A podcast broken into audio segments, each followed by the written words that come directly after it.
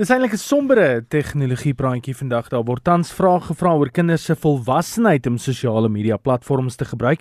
Dit nadat 'n 14-jarige gebruiker van onder meer Instagram, Pinterest en Facebook in Londen na eie lewe geneem het na sy verskeie grafiese foto's van die onderwerp op haar rekening geplaas het.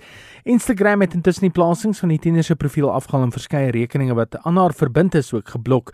Die familie betrokke se prokureur sê dat dit nou meer as ooit nodig is vir die plaaslike regering in Londen om uh, na die gebruik van die platforms deur jong mense te kyk om sodoende 'n soortgelyke voorval in die toekoms moontlik te vermy.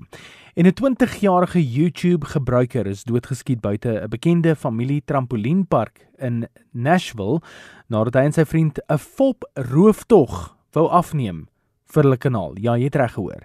Die twee het met messe na 'n groep mense beweeg toe 'n 23-jarige omstander, een van die deelnemers aan die video, geskiet het. Nou die skieter het aan die polisie gesê dat hulle glad nie bewus was dat dit vir 'n YouTube video was nie en dat die messe ook nie plastiek was nie en daarom voel hy uit uit selfverdediging uit opgetree. Die afneem van die video bly egter 'n duistere gedagte aangesien YouTube 'n paar maande gelede gewelddadige fop video's van hulle platforms af verban het.